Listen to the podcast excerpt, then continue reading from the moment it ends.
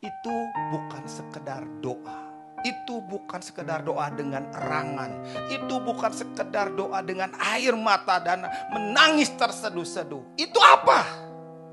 Itu doa dengan mesbah.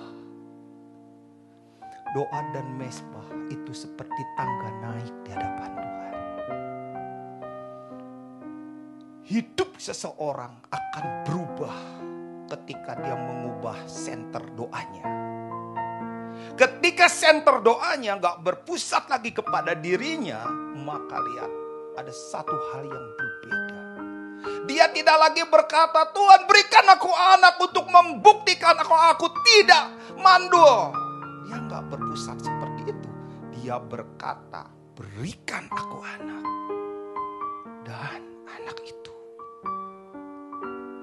Anak itu aku berikan kembali kepadamu